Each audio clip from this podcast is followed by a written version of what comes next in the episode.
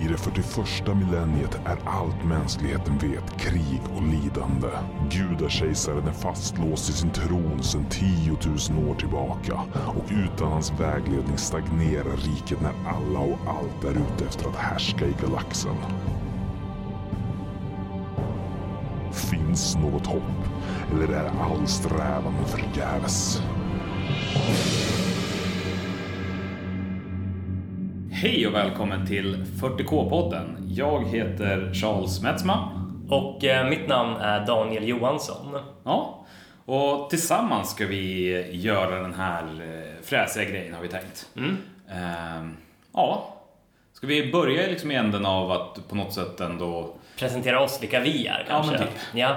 Ehm, ja, jag kan väl börja då att eh, jag, som sagt, Daniel Johansson, när jag var typ 10 år så eh, köpte min kusin den gamla second edition-lådan utav uh, Warhammer 40 000 med orker och eh, Space Marines. Och han ville bara ha orkerna, så han, eh, han frågade ju då mig då om, eh, om jag ville mm, testa att måla de andra, eh, de här rymdmarinerna då, som jag faktiskt eh, gjorde.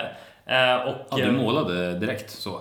Ja, precis. Vi, vi testspelade lite och, och eh, med, med bara omålad plast och sen eh, började vi pyssla på det och allting var jätte, jättedåligt. Um, så liksom fastnade jag i hobbyn och köpte liknande, alltså jag började spela Warhammer Fantasy, jag spelade Mordheim som var då faktiskt mitt favoritspel av de spelen. Um, Gorka Morka, också där uppe i toppen och eh, Blood Bowl. Eh, alla figurspel liksom. Um, Hur länge höll du på då? Liksom, i tre, två och ett halvt, tre år kanske. Då hann du ändå betat av ganska mycket. Ja. Alltså, vad, vad hade du för ekonomi som tioåring? jag, jag vet faktiskt inte. Jag, alltså, jag, när jag ser tillbaka på det så förstår jag inte hur jag hade råd med allting. Nej. Men det var liksom en ganska saftig eh, så här vanlig fantasy ork-armé. En ganska saftig Imperial eh, Empire heter de ja. Eh, Empire-armé. Eh, och sen liksom ett gäng i varje Mordheim, Gorka Morka och Blood Bowl. Och sen en liten Blood Angels armé till eh, 40K och en Space Orcs armé till 40K. Var allt det här målat också eller? Eh, stora delar av det. Det var väl, alltså det var, det mesta var målat. Fan, då kan du inte ha gjort så jävla mycket annat under den perioden. Ja, eller så var jag inte så noggrann med målandet. Jag tror, Ah. det, var, jag tror det var där eh, skon klämde liksom. Att eh, det var, jag, jag, grundmålade, alltså jag grundsprayade ingenting utan jag bara öste på färg, tyckte att det här ser bra ut, mixen matchade lite. Och med det här helhandsgreppet på penseln så att Ja, drog nästan hela alltså. modellen på en gång. nej, det, var, det var verkligen på det, på det stadiet. Alltså, skulle man se dem nu skulle man lägga dem i, i eh, någon smältande lösning bara för att få bort färgen. Liksom. Ingen skulle behålla dem. Nej. Förutom att jag en gång ehm, eh, vann en målartävling för juniorer uppe i Gävle. Så att min figur fick åka hela vägen ner till Storstockholm. Där den inte kom vidare i tävlingen. Fick du åka med figuren eller åkte den utan dig? Eh, den åkte utan mig. Eh, jag, jag och familjen åkte faktiskt ner samma helg för att jag tror, jag tror det var mina föräldrar som försökte vara lite stöttande. Men att de sa att vi skulle göra någonting annat och så kollade vi också till figuren hur den typ hängde där på Eh, Games Workshop-butiken i Stockholm. Sen eh, slutade jag bara spontant med det när jag kanske blev 13. Inte hållit på med det men ändå typ spelat de här Blood Bowl-spelen och sånt på dator, spelat Mordheim City After Dam på dator. Eh, och ändå, det har alltid funnits en plats i mitt hjärta för liksom, Warhammer-universum på något sätt har jag känt. Och ibland satt man och kollade liksom, eh, lexikanum, eh, eh, Wikipedia-grejer liksom, bara för att kolla upp saker om man hade för sig någonting man hade läst när man var liten. Eh, men sen nu i, i våras Ett halvår sedan. Ja, precis. Eh, för ett halvår sedan så fick jag verkligen... Jag vet inte, det var någonting som bara sa åt mig att jag skulle testa på det igen. Så jag gick och köpte en Necromunda-låda för där var det ju ändå en rimlig mängd figurer man skulle börja sätta sig och måla. Och sen ledde det ena till det andra och nu har jag många lådor och många figurer som jag håller på att pyssla och måla med och jag är jättenöjd att jag tog det steget tillbaka till hobbyn. Du har ju liksom på ett halvår lyck- lyckats bygga upp det som är en liksom ordinarie figurspelares eh, Ja. vardag, det vill säga Jag kände att jag 70% oöppnat och obyggt. Jag kände att jag behövde kompensera för så många år där jag, där jag inte har pysslat med det. Ja. Men eh, ja, det är jättekul och jag känner att jag verkligen hittade tillbaka rätt in i det. Precis. Och jag kom väl egentligen in i det någon gång där runt 2009 tror jag. Det var, jag liksom började hänga nere på en spelförening eh, och min ingång var rollspel och sen så fanns det ett rum fullt av figurer. Så till slut så blev det bara att jag köpte fem stycken Dwarf Slayers. Ja, de här med orange eh, fräsigt hår och... Ja, men precis. Ja. Eh, och började liksom måla på dem. och fastnade väldigt tidigt för dvärgarna och började köpa på mig och måla och ha mig. Eh, så det var liksom alltid fantasy och sen kom jag in i hela universet av eh, 40K och liknande med. Eh, men, men det har liksom alltid varit den, den samlande delen. Jag har inte varit så mycket spelare eh, utan måla, pyssla och sen ganska snabbt så gled jag också över i mycket terrängbygge. Eh, och Och det det är var, ju framförallt i föreningssammanhang så är det ju att det behövs mycket terräng. Det är, liksom- man ska ju kunna fylla ett gängbord sida vid sida liksom. Ja. Och då är det viktigt att är kvantitet. Ja, eh, men, men vi, vi jobbade väldigt mycket med kvalitet också och för mig, Ja, så var det det, för mig så var det liksom viktigt att, att varje bit ändå berättar en historia. Det här är liksom en konflikt som vi har fortfarande Mm. idag på föreningen där vissa är så här, det måste gå att spela med och ingenting mer. Och jag är så här, jag vill kunna titta på biten och förstå vad som händer här. Ja. Varför finns den här liksom biten? Varför slåss de runt det här? Och, Det kan jag förstå verkligen. Det, det, kan vara, det kan verkligen tillföra någonting till de som orkar sätta sig och kolla på detaljerna på, på terrängbiten du har målat. Liksom. Mm. Att- Men liksom det ska finnas någon, någon medveten tanke och där så blev vi också eh, för det var ju bara fantasy för mig. Ja. Eh, men sen så skulle vi ha en stor turnering för, ja, jag tror vi landade på något 70 spelare kanske till slut. Eh, och där så blev det ju då när jag skulle börja bygga 40K-terräng också så var jag tvungen att läsa mig till liksom, vad är det? Och upptäckte egentligen det universat mer och djupare och tyckte liksom att det var bättre. Min kärlek är fortfarande dvärgarna men, men som Ja. helhet så, så blev liksom 40K-universat bättre Mm. på något sätt. Ja, det kan jag förstå. Det, är- det är ju på något sätt djupare och bredare. Ja, och f- på många sätt intressantare. Ja, Det är, inte, det är inte lika rakt av stereotypt utan det liksom finns flera precis. lager. Det, är- det är mer unikt Ja, på, på något sätt. ja, men precis. För fantasy känns ändå ganska standard fantasy på många sätt. Ja, att den, den träffar väldigt många checkboxar som eh, Tolkien skulle kunna ha kommit fram till också. Ja, jo men precis. Eh, och har väl, eh, har väl egentligen aldrig varit mycket av en spelare heller. Jag tror att arrangerat fler turneringar än vad jag har spelat matcher. Även om man räknar in Blood Bowl och allt Ja. sånt där. Utan jag har, Ja, kul. jag har liksom pyssla, måla Ja. eh, och sen då läsa Ja. ganska mycket. Eh, ja, eh, nu när du säger det så, alltså jag ser ju mig själv framför allt som en, eh, som en spelare. Men i nuläget så sitter jag i läget att jag... Ja, i, I nuläget så är det ju mer att jag måste framförallt bygga och måla i kapp så att jag har en 40k-armé att spela med. För man kan ju, ja, alternativet är ju att spela en omålad och det, alltså, det kan man ju helt klart göra. Men för mig och immersion lite så vill jag ha dem liksom, att pyssla. Jag vill ha en fin armé som samlar. Det är, det är något med samlarvärdet i det också. Så inte för att sälja det utan för mig att samla är att jag också vill måla det. Mm. Jo, men, men där kan jag verkligen känna igen mig också. Jag menar, jag har samlat på ganska mycket saker med dagar. Allt från liksom Mm. kapsyler och sånt där när jag var liten. Jag har alltid samlat och byggt samlingar. Ja, du är en hoarder. Ja, det kan man säga. Men, eh, men just figurerna har, ja, men det har känts som ett ännu mer meningsfullt samlande på Ja. något sätt. Eh, Så nu, jag tror alltså min dvärgarmé, den... Jag vet inte om den är typ 25 000 poäng eller någonting Den är för fantasy battle då, Ja. eller? Ja, precis. Och bara för att ha någon slags referens så är väl 2000 liksom ett rimligt slag. Ja, jo, men det är väl som 40k där 2000 är rimliga Mm. slaget också. Ja, men så vad sa du? 25 000 poäng? Ja, bara... det är många dvärgar. Det är jättemycket dvärgar. men, eh, men majoriteten av det är inte målade heller. Nej, Eh, utan- Ja, men det, det blev liksom att annat dök upp i livet. Jag engagerade mig djupare i spelhobbyn. Ja. Och då hann jag inte, alltså med Sverok och andra grejer, och då hann jag inte spela lika mycket. Mm, ja. jag förstår. pysslade med spel på en högre metanivå Ja, på något sätt. på organisationsnivå liksom istället Ja. för... Mm. Ehm, men, men vilken är din, liksom, om vi, vi kan ju bryta ner det också kanske som, som en del av presentationen. Vilken är din, vilken armé håller du liksom högst i 40K-universum? Just nu så... Alltså det, det, som, det som jag först köpte nu när jag började samla igen var Imperial Guard för att jag gick på den här Alltså dels estetiken med att de är de här, eller dels tanken med att de är människor där livet inte är värt mycket och de, det behövs liksom typ fem människor för att väga upp en Space Marine. Ehm, jag, jag gillade liksom kvantitet-approachen sådär i förhand men nu när man har målat en 60-70 stycken så känner man ju att Space Marines hade nog kanske varit ett rymligare val där man, man målar en 20 stycken än när man har en armé.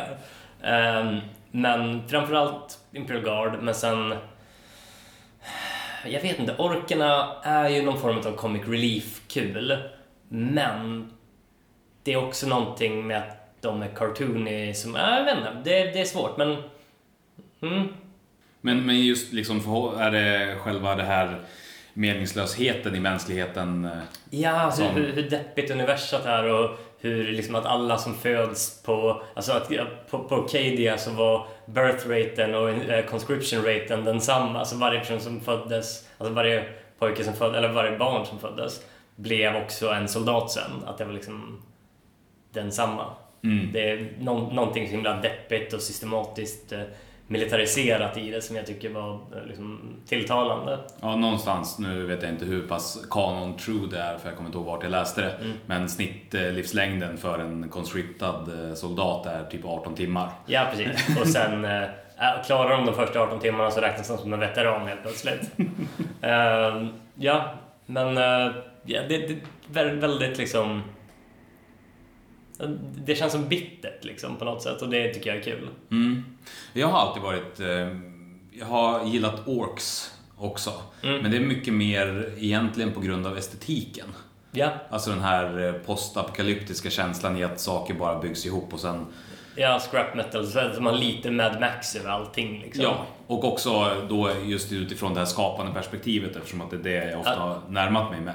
Att ja. bara kunna liksom sätta ihop saker lite hokus pokus och ja, sen precis. så Jobba funkar det. plastic cards och green stuff och allt blir skoj liksom. Ja, men det, det, finns så mycket som går att göra.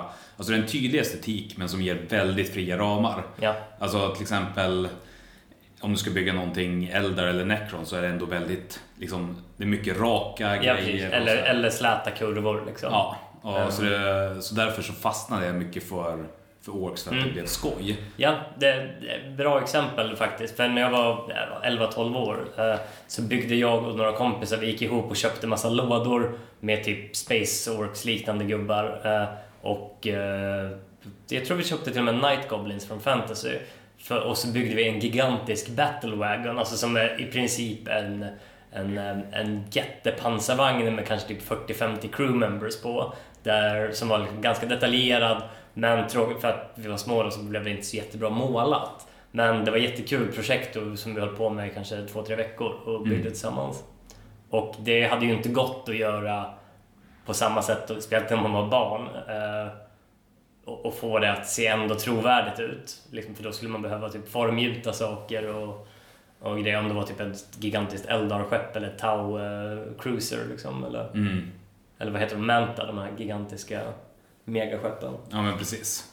Och liksom just eh, med den vägen in i estetiken så blev det också att Ja men eh, jag läste mer och tyckte att, alltså jag, nu kan jag tycka att de är lite tråkiga när jag liksom har gått djupare in i, jag tycker att de är mm. lite för simpla. Ja. Men, men samtidigt så eftersom att det var lite grann första kärleken i eh, 40K så, så liksom finns det kvar där som en mm. slags, eh, ja, ja, men, det ligger och pyr. Det kan jag förstå verkligen.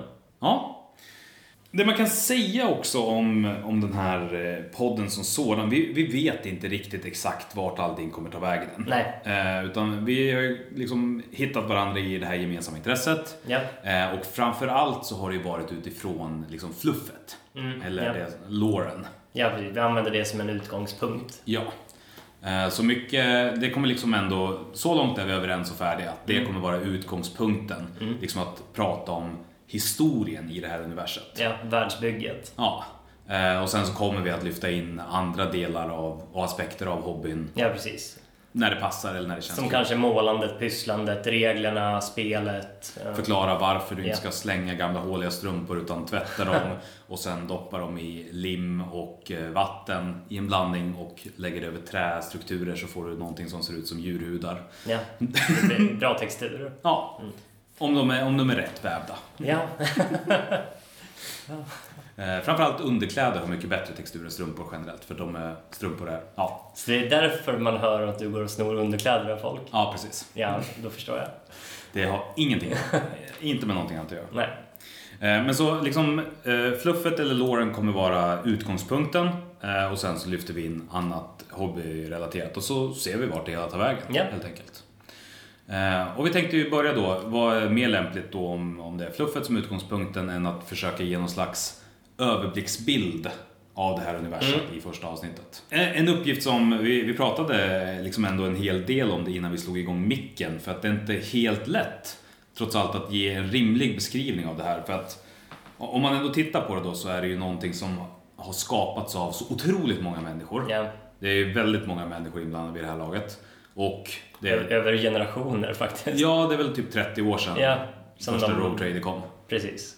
Så, så liksom det är eh, en väldigt omfattande värld och tidslinjen liksom beskriver en historia från 60 miljoner före tideräkningen till nu i det 42 millenniet Mm. där vi befinner oss nu. Ja, så det är ju...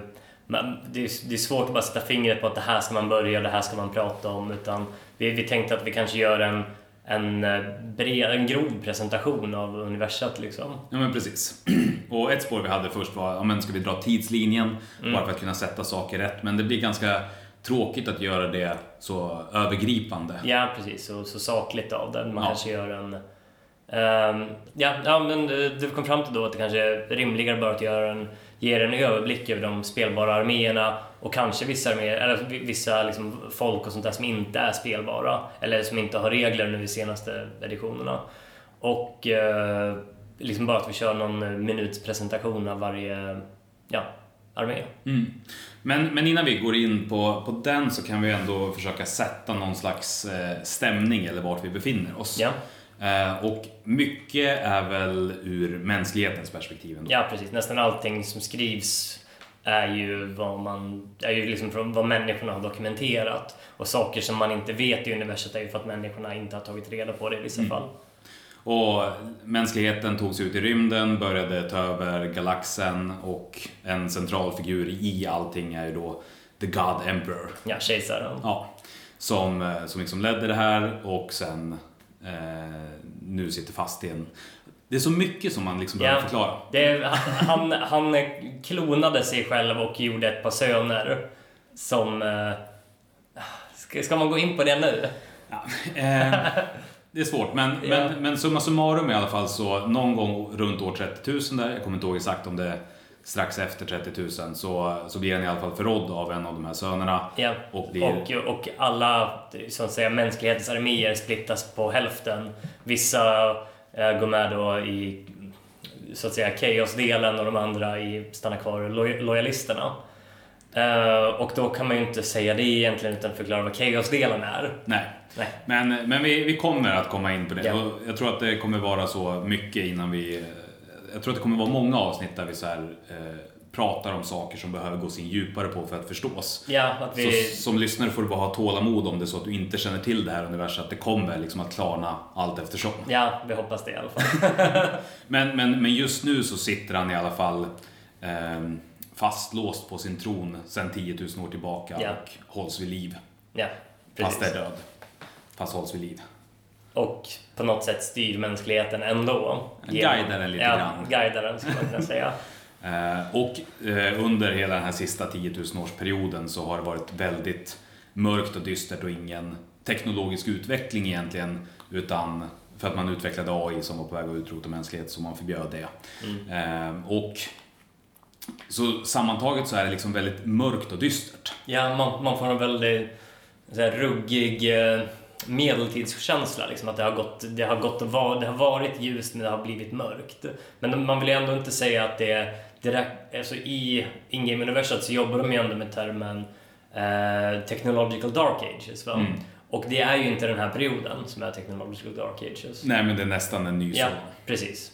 Men, men ett, eh, det som ofta liksom används för att beskriva världen är ju grim dark. Ja, Och det tycker jag är väldigt träffande ändå utifrån att det är, det är hårt, det är ganska hopplöst, men det finns en strävan. ja, Och det finns fiender överallt som bara vill liksom, ta ihjäl allting och mycket krig. ja, det- there's only war skulle man kunna säga. Ja, så det finns bara krig. Ja. Precis som den gamla Rauti-låten. så att, men, men det är liksom ändå på något sätt eh, en bakgrund. Eh, Mänskligheten har gett sig ut i rymden eh, och nu så... Och det, det som också bör sägas är att mänskligheten är ju det absolut största imperiet. De är de största, Ja, de är den största typ, organiserade staten. ja, Vad, vad, vad tänker i du? den här galaxen i alla fall. Ja, precis. I den här galaxen. Men det, allting utspelar sig väl i den här galaxen. Förutom saker som åker igenom dimensioner. Ja. Eh, en sak som också kan vara bra, eller kommer vi in på varpen, the warp, Ja, eh, när vi pratar chaos. ja. Det vi kanske ska börja med att presentera ehm, Alltså, vad skulle man, man skulle kunna säga att de är main cast, alltså Space Marinesen. Ja. Ehm, Alltså, om, om, det, om det ska finnas en huvudperson i universum så är det ju ändå kejsaren. Ja, och om han ska ha några sidekicks som är de som är egentligen... Alltså universums posterbarn så är det ju Space Marinesen. Ja. Jag tycker man tycker att de är...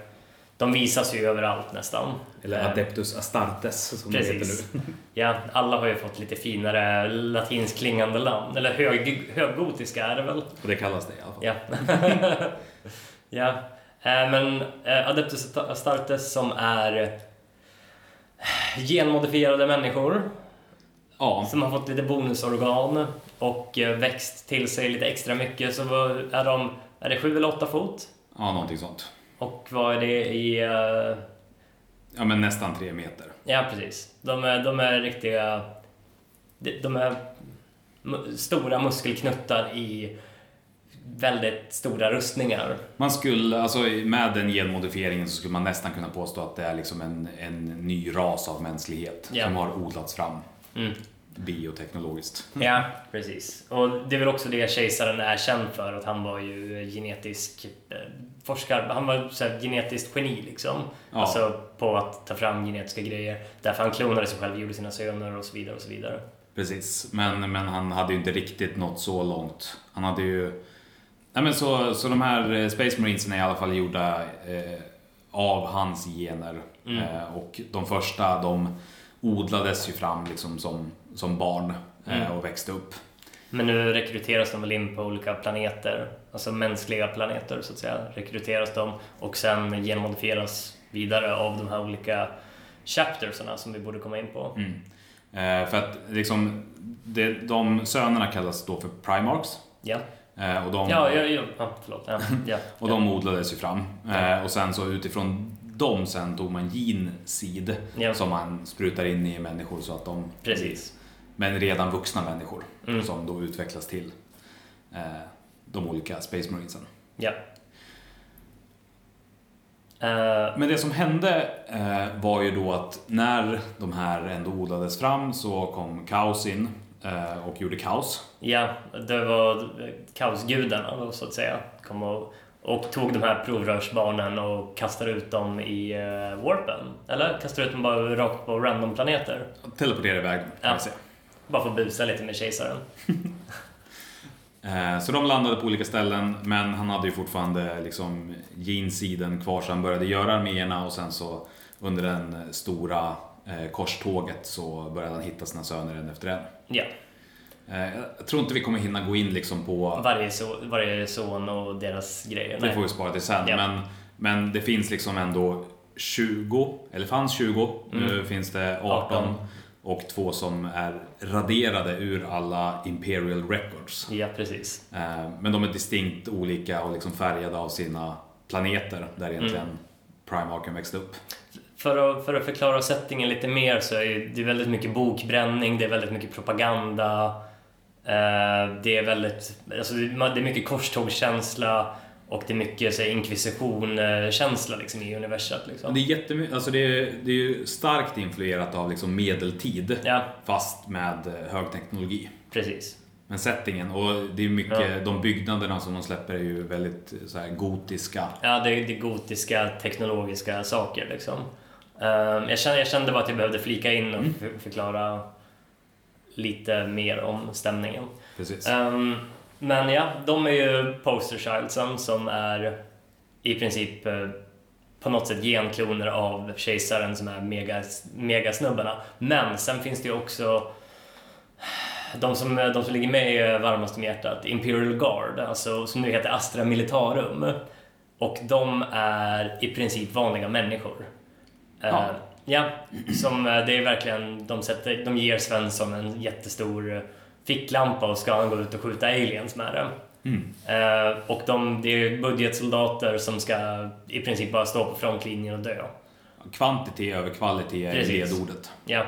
Och de är ju såklart då många, många fler än alla Space Marines som finns. Men, eh, och sen försöker försöker det liksom organiseras på olika sätt. Som också känns som en väldigt blandning mellan en medeltida struktur och ändå ny, alltså modern militär. Mm. Alltså bara för att få en känsla av skalan som vi pratar om liksom när vi säger att det är krig överallt och mänskligheten.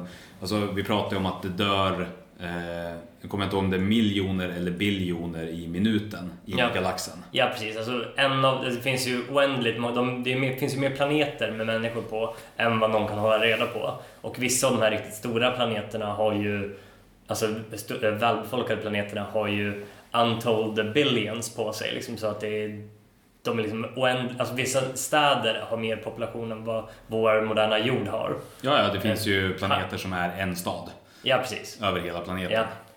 Eh, så så det, det, mänskligheten är ofantligt stor och eh, liksom lidandet är ofantligt stort i mänskligheten. Eh, Men Imperial Guard är inte bara liksom kött som går fram och dör utan det är ju även ganska mycket ja, men det man tänker sig att mänskligheten slåss med olika former av pansarvagnar och Ja, artilleri och Ja. sådär. Men eh, ja, och sen finns det ju ännu mer människor. Alltså för mä- människorna är ju ändå som sagt stora.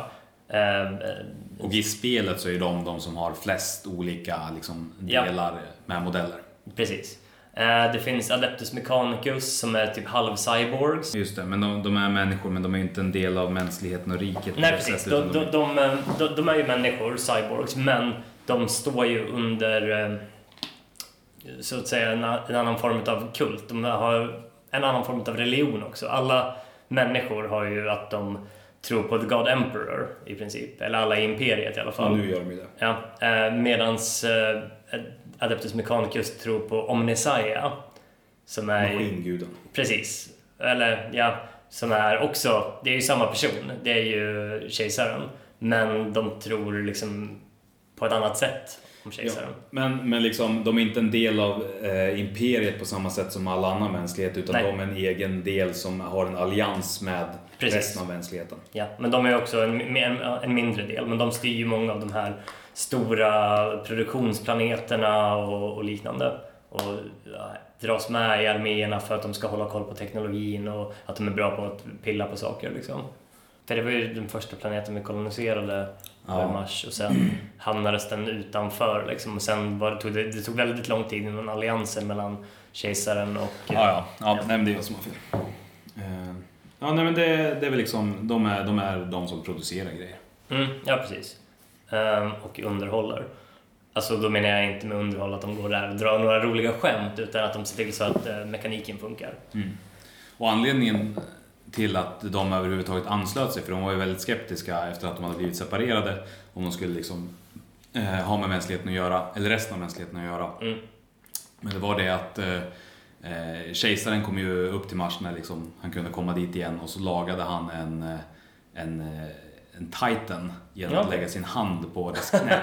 Den hade blivit skadad i, i liksom strid. Ja. Och sen kom han och liksom fixade den med sin, eh, sin gudalika kraft. Härligt. Och då började de då tillbe honom som Omnisaia. Ja, det är nice. Ehm, sen har vi några andra delar av mänskligheten som Adeptus eh, Sororitas, som är då Sisters of Battle. Eh, det grundade väl sig så att det var religiöst, det fanns det, man fick inte ha religiösa arméer. Uh, there may, may, may be no men under arms. Mm. Och då var det någon som kom med, alltså, använde no men under arms och tyckte att han fick ju såklart ha women under arms.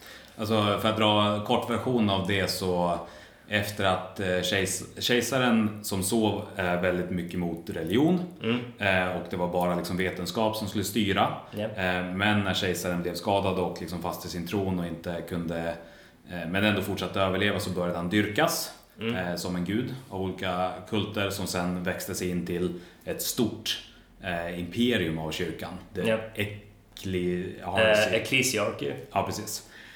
Och det här blev en så stor maktfaktor i eh, universat så att det blev krig och sen då efter det kom förbudet att de inte får ha en egen liksom, militär del. Med män? Ja, precis. De bokstavstolkade det ja. på det så sättet. Då finns det, så då har du, finns det alltså en armé med religiöst fanatiska kvinnor. Eh, som eh, nu tråkigt nog inte representeras så bra i modeller, alltså Nej. figurer. Men det ska komma Mycket nya... boobplate. Precis, ja. Det är, det är boobplates eh, och eh, men det ska komma nya i alla fall nu till vintern eller början av nästa år ska det komma plastmodeller. Det vore så jävla nice om de faktiskt eh, på riktigt designar om dem så att det inte är mer hud än röstning. Ja, faktiskt. Det, för det känns, alltså det blir bara så töntigt. ja, men jag, tycker ändå de, de gick ett steg åt det hållet när de gjorde Escher-gänget till nya Necromunda. Ja, jo. Alltså då, det, är ju, det är ju fortfarande booblates, men det är inte lika mycket. Uh, Lite something. ja, ja, precis. um, Ja. Och sen så, vi nämnde ju då Titanen och det är ju en liksom del av det som då kallas för Imperial Knights. Mm, precis. Så, man kan, så mycket är inspirerat också av medeltiden för det är liksom riddarordnar. Och som, riddarhus och ja, baroner och, och, så vidare. Som har stora eh, på det, på, Precis, de har, det är de som har så här, for, uh, Forge Worldsen som eh, också använder den produktionen till att göra gigantiska mech-robotar som de kan sitta i och duellera varandra i och köra runt med. Ehm, och eh, då är de ju alltså allting från storleken en buss till storleken eh, jag vet inte vad. Alltså... 10-20 våningshus. Precis. Så det är, det är väldigt stora... Jag vet inte hur stor en Warlord egentligen är. Nej, det måste ju vara... En, en Warlord är 33 meter hög.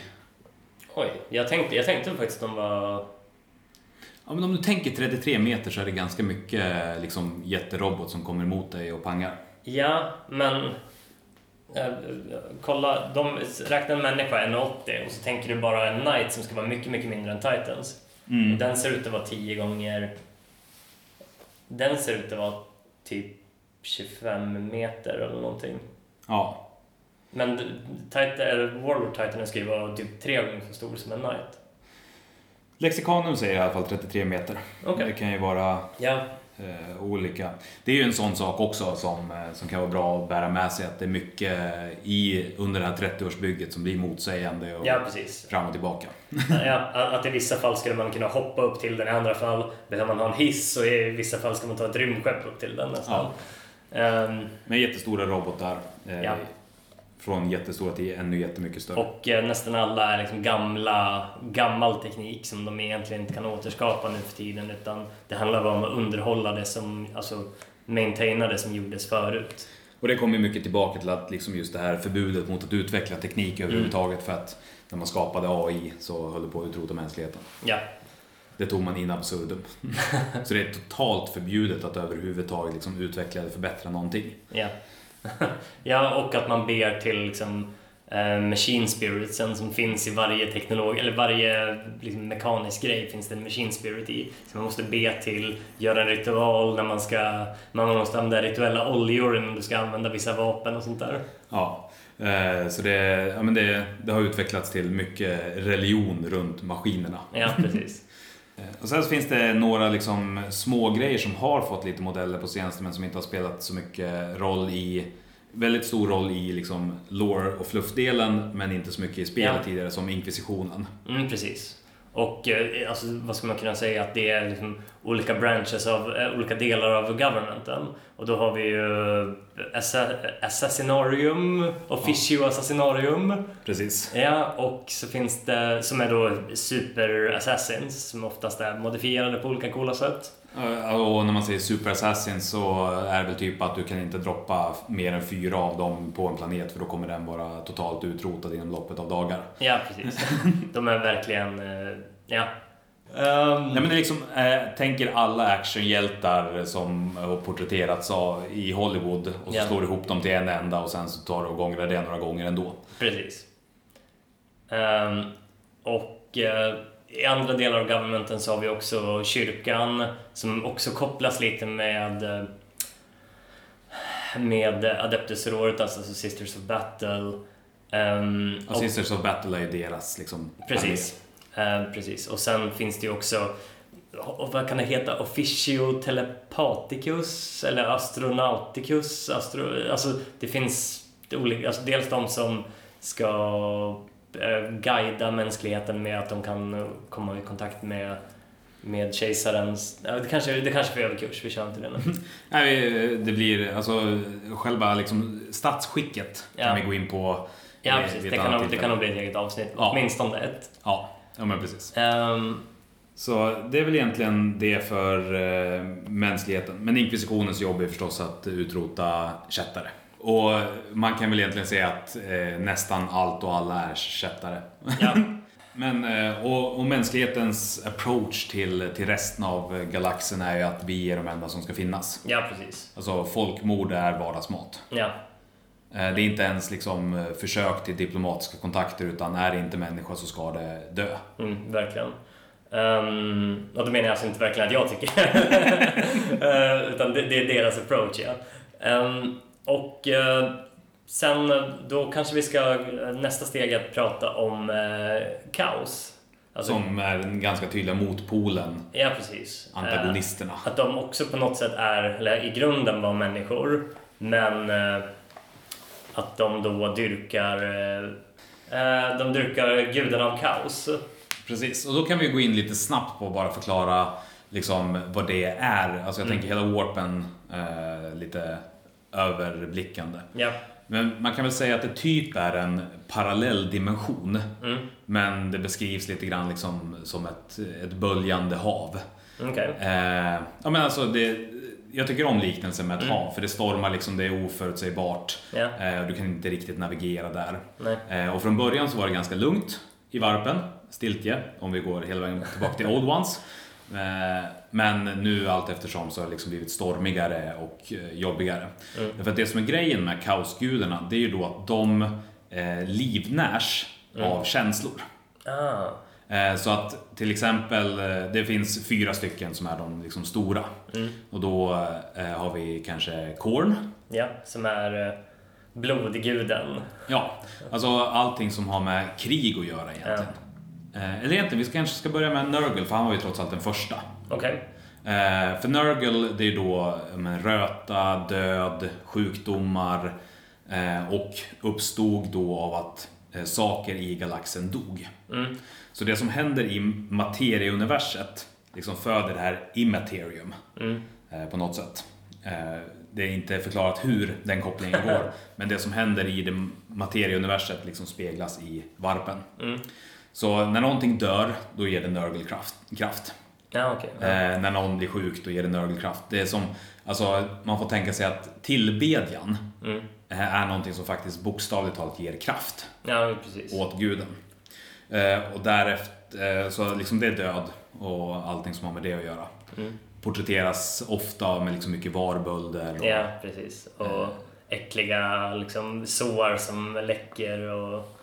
Ja, eh, stora liksom svällande, alltså, så, så som kroppar om de ligger i vatten för länge innan de blir hittade. ja Det är estetiken för Nurgle. precis. Ehm, Och eh, sen har vi också Korn, mm. som är då eh, krigsguden med blod och eh, allt vad det innebär. Och, men också då, för liksom den, eh, den andra delen som, som inte så ofta lyfts fram, för det är ofta liksom skulls for the skull Ja. throne, blood for the blood god. Precis. Eh, men det är också eh, alltså så här, äran i krig. Ja, okej. Så att även om du liksom inte då bara slaktar urskillningslöst, som Mm. man skulle kunna tänka sig, utan även när du slåss med ära, bara det att du slåss är någonting som ger kraft till kåren. Okej, så det är väldigt lätt att bygga till korn, det är bara att slåss. Ja, alltså egentligen, och det är väl det som är eh, det som skapar en ganska spännande dynamik, att du kan liksom inte undfly att ge kraft till de här gudarna. Nej. Eh, utan allting du gör eh, kommer ändå på något sätt föda dem, vilket sätter iväg dig i en oändlig loop av Ja. det finns bara krig. Ja. Och sen efter det så har vi Sinch. Mm. Som är eh, the God of Change, va? Precis, och eh, lurendrejeri och Ja. konspiration och planer och Och, ambition också. eh, mutationer eh, och eh, allt det smaskiga. Ja, eh, och eh, porträtteras ofta med mycket fåglar och mycket så här, demoner som förändrar sig i, Mm. i det mesta. Ja. Och slutligen då Slaners som var den sista att födas. Mm. Som är all form av att förkovra sig i någonting och förlora Ja. sig i, i lust av något slag. Mm. Ja, verkligen. Eh, all form av liksom så här deprivation. Deprivation, vad heter det på svenska? Ja, En depression. Ja, det kanske. det kanske heter så. Ja. Ehm, och det man också kan säga om de här gudarna, det är ju inte det att det är ondska på det sättet som, som det ofta är, att det är ondskan mot mänskligheten. Mm. Utan ondskan, om vi nu ska... Jag, jag tycker allt är ganska ont. Ja, precis. Man kan nog inte säga... Alltså, det är det att man kan inte koll, kolla på det här universet och sen fråga vilka är goda och vilka är onda. Utan all, alla är onda. Mm, Det är, alla, alla jobbar på ett spektra. precis. Och även de här gudarna slåss mot varandra. Mm. Eh, och jobbar liksom eh, för att... Ja, men mot varandra. Ja. Jag kommer inte ihåg spontant vilka det är som, som är mer mot varandra. Men, men, men det är liksom de fyra huvudkaosgudarna Ja, som... precis. Och sen, eh, alltså beroende på vilken, eh, vilken gud eh, en armé tillber så får den olika bonusar, den ser helt annorlunda ut och så vidare sen spelmässigt. Ja, plockar estetiken mycket. Ja, precis. Men det är också ett, liksom, ett avsnitt i sig att gräva Ja. djupare i dem och förklara. Precis. Men, men, men det som är viktigt att förstå i det här första läget är då att varpen finns, den är ett parallellt universum som påverkas eh, av det som händer i den materiella världen. Mm, ja, verkligen. Eh, och när, när du dör så är det någon av kaosgudarna som äter din själ. Ja. Eh, ehm, Och de här kaosgudarna var ju då de, de satte igång ett, eh, ett förräderi mm, som ofta benämns som Horus Heresy. Då. ja, för 10 000 år sedan. Ja. Och Horus var då den första sonen som, eh, som kejsaren hittade, som blev hans favorit och som sen i slutändan förrådde honom Ja, och tog hälften, ganska liksom här convenient, ja att det nog, var, var 9 av de 18 sönerna liksom. som, som gick över till kaos. Ja. Eh, och det formar då Chaos Space Marines. Ja. Ehm, sen har vi också eh, de lite comic reliefiga Space Orcsen. Som nu, kallas de inte bara Orcs nu för tiden? Ja. Men uh, Space Orcs när jag var liten i alla fall. allting var ju tvungen att ha space framför sig så man förstod vart det var någonstans. Mm. Som eh, då är svamp, svampar Ja, svampar. som eh, växer upp i sina svampbon och sen eh, går ut och blir... eh, alltså, de vill bara, de vill bara ha kaos. Eh, de, eh, kaos är kanske fel ord, men de vill bara ha... De vill slåss. de vill slåss och... Om man ska gå liksom långt Ja. tillbaka så, så finns det ett, ett krig då för 60 miljoner år sedan när några som hette Old Ones började liksom skapa nya raser för att kunna slåss mot det som nu för tiden är Necrons. Mm, Eh, och då var Orcs en av dem som de skapade. Mm. Eh, så att de är liksom fram... Eh, breeded, vad heter det? Framavlade bara för krig. ja. De är skapade. Så att från en enda liten mikroskopisk svampspor så kommer sen eh, en hel ork-armé att dyka upp. ja. Och det som är ganska häftigt med dem liksom, som så, det är det att de har också all kunskap i sina gener. Mm, Men eh, de utvecklas och låser upp sina liksom, förmågor allt eftersom. mm. Så att eh, om du, om du liksom börjar växa fram och så kommer de först vara ganska så här, jägar-samlar-aktiga. Ja, primala och sen liksom blir de mer och mer utvecklade. Liksom, Ja, men, men all kunskap finns liksom i orksen från början Mm. och sen så allt eftersom att de blir fler så utvecklas de också och låser upp nya Ja. eh, abilities. De har ju verkligen en, en helt annan take på pebble-mentalitet. Ja, ja, ja. Och slåss mot varandra, deras eh, eh, betalningsmedel är pengar, eller eh, tänder. Deras pengar är tänder. Ja, precis. Ehm, och om de tror på någonting tillräckligt mycket så fungerar det. Så Mm. de behöver kanske inte ha en, en helt logisk motor utan bara, de, bara deras mekaniker tror att den fungerar så kan den göra det. precis. Men, men det här är inte kopplat till, eh, till varpen. Jag vet inte. Jag, Det, ja, men det den populäraste teorin skulle jag ändå säga, Ja, att det ja. inte är kopplat till varpen utan att, Ja, okej. men att de på något sätt skapar ett tillräckligt så starkt, en tillräckligt stark masspsykos för att den faktiskt ska påverka verkligheten. Kul. Ja, jag tycker det är, det är en skojig approach men den är också väldigt flummig. Ja, ja. Ja. Superflummig. Mm. Så att de eh, sätter ihop lite grejer, vad som helst, sätter på ett på hjul och sen så, nu kan den här bilen köra. Okej, den här bilen kan köra, då drar vi. Ja. Och att röda saker är snabbare. Ja. Det finns mycket spännande att säga om Orks, men, men, men i kort så, de slåss. Och de Ja. slåss sinsemellan. Finns det ingenting annat att slåss mot, då kommer de slåss sinsemellan. Mm. Eh, och sen Sen så, sticker de och slåss på en ny planet. ja, bara slåss. Mm, Ja.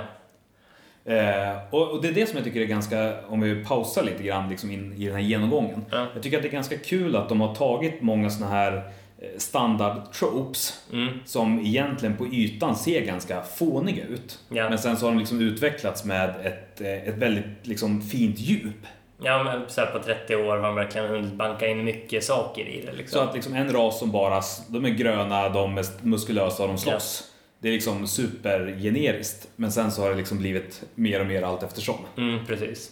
Eh, och näst i tur efter det så kanske vi kan prata om Aldari. Ah, Eldar, alltså rymdalver är de Ja. i princip. Precis. Också faktiskt en ras skapad då av Old Ones en gång i tiden. Mm. Eh, Och det är grova drag skulle man kunna dela in dem i eh, tre eller fyra olika delar. ja, de var, de var ganska många delar förut men sen Ja. så när de genom sin totala Alltså, det, de, förlustande så när de födde Slanners så skapade de The Eye of Terror och eh, förstörde en ganska god portion av galaxen och sin egen ras. ja, det var lite klumpigt kan man tycka. Eh, Men de- standard eh, Eldarsen är ju de som nu heter Craft Worlds. Mm. Som är väldigt eh, proper, arroganta alver liksom i rymdrustningar som springer omkring och skjuter varandra. Eller skjuter inte varandra, men framförallt andra. Och vill ha någon form av ordning. Mm. Och det som också är liksom grejen av med Craftwells, det var ju att de såg liksom hur deras rasens levande när de dominerade galaxen skulle leda till liksom Slanners, för de hade ju drömmar om det långt innan eh, Slanners föddes. Och eh, de drog då och började liksom ta measures mot det här. Så att Craftworldsen fångar också alla Eldars själar i Craftworlden eh, och ser till så att de, de inte går till Slanners och ger den mer kraft. Ja, okej. Ehm, Så att de flyger runt på sina skepp. Eh, Ja, ja, Craft Worldsen är ju då deras skepp. Ja. Mm. Och i praktiken så är eldar eh, odödliga och Craftwellsen är självupphållande, Mm. självförsörjande. Sen har vi de andra då, de andra stora skulle man kunna säga som är Dark Eldar. Eller Mm. Drukari som de heter nu. Alltså alla de här eh, i, vad heter det? intellectual property-ändringarna som Ja. GW har gjort där. Ja, de, de känns konstiga när man har varit med länge. Men Ja. Är, samtidigt, jag kan ändå förstå det på något ja, sätt. ja. Jag tycker, det blir, jag tycker det kan bli, det blir skojigare att de heter Drukari än att de heter Dark Eldar, tycker Ja. jag. Det är de som valde vägen av att... Alltså, för att eldar som ras eh, förlorade sig i det här. De blev så teknologiskt utvecklade att de inte behövde göra någonting överhuvudtaget. Det fanns liksom maskiner som skötte precis allt. Så det de ägnade sig åt var egentligen... Eh, jag kommer inte ihåg vart det läste men det beskrivs liksom som att de sprang runt på gatorna, våldtog och mördade varandra för skojs skull. Liksom, de behövde, sökte nya kickar och bara blev Ja. mer och mer förlorade i, i det totala hängivenheten till sina egna lustar. Mm. Eh, och Drukari då är de som eh, fortsatte med det här levernet även efter att eh, Slanners föddes. Eh, så de bor ju inne i eh, Varpen, fast i Webway.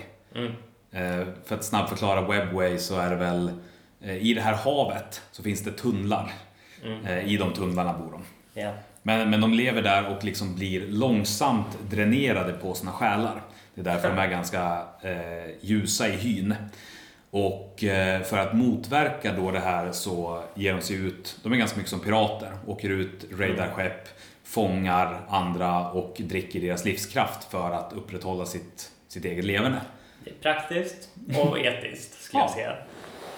Ehm, och ehm, sen, Väldigt mycket spikes. Ja, de jobbar mycket med spikes, piskor. Eh, eh, jag tänkte säga strap-ons, men det gör de inte. Nej. Nej. vad jag vet. Eh, Men Slanish gör. Ja. Eh, sen eh, har vi också Harlequins. Mm. Som är att de, de har liksom varit underhållare för, som jag har förstått det då, för, för alverna så pass länge att de har levt sig in i sina roller. Alltså de är ju kringresande teatersällskap som berättar eh, Eldars historia. Ja, precis. Men de har haft samma roller så pass länge att de är i princip fast i dem. Ja, de blev ju militariserade efter att Slanish föddes. Typ. Ja, okej. Eh, Så att de, eh, och deras primära uppgifter är ju då att berätta om Eldars historia, dels för Eldar själva, men har också rest runt innan Mm. hos andra och berättat. Eh, Och sen så vaktar de ju då The Black Library, Mm, okej. som är källan till all kunskap som någonsin funnits, som finns gömd in i webwayn. Mhm. Ja. Och också namnet på är det väl förlaget, eh, alltså förlaget som eh, Games Workshop använder, är väl Black Library också? Precis. Ja. Jag trodde du skulle prata om Harlekin, förlaget som ger ut eh, mjukporr. Jaha, nej. Man kunde hoppas, men jag gick inte dit. Men, men det steget därifrån är inte så långt eftersom att Slanish är ju... Till mjukporr. Ja. Ehm, nej men så det är väl Eldar egentligen. ja. Och Sen har Inari. Ja, precis. Ja, men det kan man kanske ta. Det, det blir... Det, det är ett smalt spektra men... Ja. Men det finns några alver, alltså det de gör med att samla alla de här craftworldsen är att de samlar tillräckligt mycket kraft för att kunna föda en till kaosgud som ska kunna döpa de andra kaosgudarna som är rent dödens och återuppståndelsens gud på något sätt. Jag är inte helt superinsatt. Så jag kan inte uttala mig. Men, men det finns någonting att de ska samla så mycket kraft som möjligt i de här infinity loopsen på craftworldsen för att kunna ge en, en ny kaosgud födelse. Ja. Och så har vi tre kvar. Ja. Eh, Necrons, som eh, lämpligt nog kom ganska samtidigt som Terminator-filmen och där, därigenom påminner rent estetiskt från början ja. om. De är som stora metallskelett. Ja. Eh, och är eh, i stort sett själlösa robotar. Ja, jobbar mycket, mycket egyptisk estetik liksom. Och namn och... Och väldigt teknologiskt framstående. Ja. De har ju sina gas, gås, jag vet inte hur du uttalar det. Ja, Gauss, GAU, Gauss. SS, Gauss. Ja. Vapen som bokstavligt talat delar upp dig atom för atom. Mm. Nej, det är väl bra. Ja. Ehm, Och jobbar jättemycket med pocket dimensions och liksom. Jaha, okej. ja, de kom precis när jag slutade, typ, när jag var kid, Eh. vad jag vill minnas. Nej, men dels så de håller på att facea fram och tillbaka men sen skapar de också små, små dimensioner som de gömmer sig i och bara väntar på att de ska komma och så. Och så kan de återuppstå och grejer också, Ja. i rent Det är för att de facear fram och Ja. tillbaka och lagar sig. Ja. De tar medvetandet och flyttar över Reanimation protocols, Ja. tror jag det heter. Ehm, och... eh, vi, som sagt, det, det känns bara som vi, vi, vi fått vara mer grundliga med allting vid ett Ja. annat tillfälle. Men eh, det här kanske blir ett lite långt avsnitt, men det är bara för att vi vill et- etablera universat, så att säga. Ja. Ehm, Tau. Tau. Rymdkommunism. Ja, precis. Man skulle kunna säga att om det är några som man skulle peka ut som de godaste, eller mest goda, eh, så kanske det skulle vara dem. För de försöker ändå, på något sätt. Ja, alltså de har ju sin, eh, sin filosofi av att allt de gör är för the greater good. Ja. Ehm, Ehm, Men sen, alltså, de försöker med diplomati först oftast. Men sen är det, alltså, piskan är inte så långt efter moroten. nej, det är väldigt mycket antingen med eller mot eh, Ja. varianter. Men, men där finns det väldigt mycket liksom just i att gräva för det hintas ganska mycket om huruvida liksom, de faktiskt liksom ansluter Mm. eh, och folk går med frivilligt och tror på det här som en faktisk filosofi att jo, men jag vill vara med och skapa ett bättre eh, samhälle som är galaxomspännande. Eller om de på något sätt är eh, hjärntvättade av de här ethereals som är den, Mm. den styrande klassen. Ja, precis. De är väldigt uppdelade i, i olika klasser. Ja, de jobbar väldigt... Eller kast. Ja, kastsamhälle, ja. Eh, men har också inkorporerat många andra raser. Mm. i sig, så det är The Tau Empire. Ja. Ehm, och sen eh, sist, men eh, absolut inte minst. Nej, men, men mest okända. Ja, precis. Det är Tyranids då som är väldigt... Alltså det är det är gigantiska fleets av aliens som bara flyger omkring och invaderar och äter upp planeter. Rymdinsekter. Ja, precis. Ehm, och de är ju väldigt alien i sin estetik. Alltså, mycket, mycket påminner om Starship Troopers. Ja, just som- det. Ja, hur hive-minden funkar och, och liknande.